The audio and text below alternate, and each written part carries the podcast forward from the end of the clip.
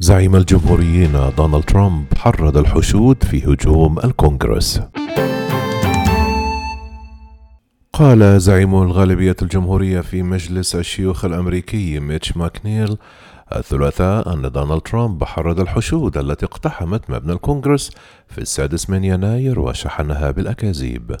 وقال السناتور النافذ عن ولاية كنتاكي الحشود الغاضبة شحنت بالأكاذيب.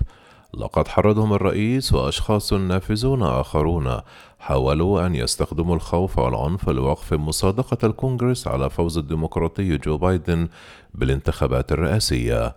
ولم تثمر دعوة الرئيس الأمريكي المنتهي ولايته دونالد ترامب الأسبوع الماضي جميع الأمريكيين إلى الهدوء عن ثاني الأصوات المطالبة بتوجيه اتهامات له على خلفية أحداث الكونغرس الدامية.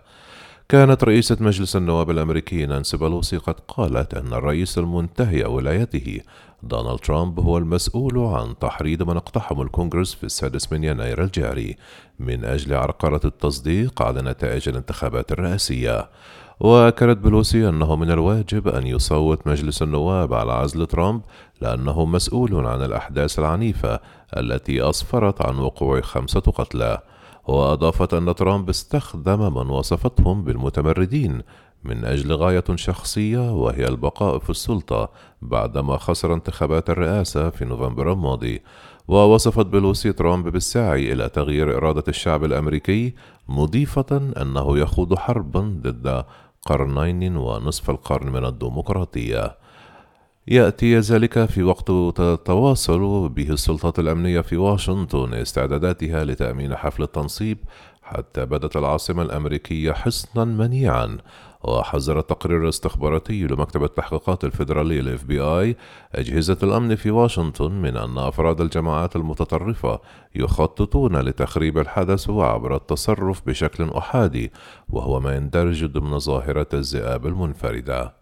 ذكر التقرير أيضا أن المعلومات المتوفرة تفيد بعزم أولئك محاولة الدخول إلى المناطق المغلقة أمنيا عبر ارتداء ملابس مشابهة لأفراد الحرس الوطني المنتشرين حاليا وعبر التعرف على الثغرات الأمنية ونقاط الضعف في تأمين العاصمة. قال التقرير أن مكتب التحقيقات الفيدرالي يتابع نشر وتحميل بعض من المتطرفين لخرائط مواقع حساسة في واشنطن عبر الإنترنت.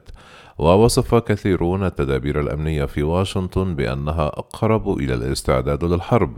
وسط حدة الانقسام التي تتفاقم في البلاد بين الجمهوريين والديمقراطيين ومخاوف اندلاع أعمال عنف. وانتشرت مؤخرا صورا لعناصر من الحرس الوطني الأمريكي وهم في أهبة الاستعداد كما لو أن حرب تطق طبولها في البلاد. وتتحسب السلطات لحدوث أعمال عنف مشابهة لتلك التي حدثت في السادس من يناير الجاري عندما اقتحم أنصار الرئيس المنتهي ولايته ترامب مبنى الكونغرس. وأسفرت أعمال العنف حينها عن سقوط خمسة قتلى وعشرات الجرحى. بينما كان الغوغاء يحاولون تعطيل تصديق أعضاء الكونغرس على فوز بايدن في الانتخابات الرئاسية.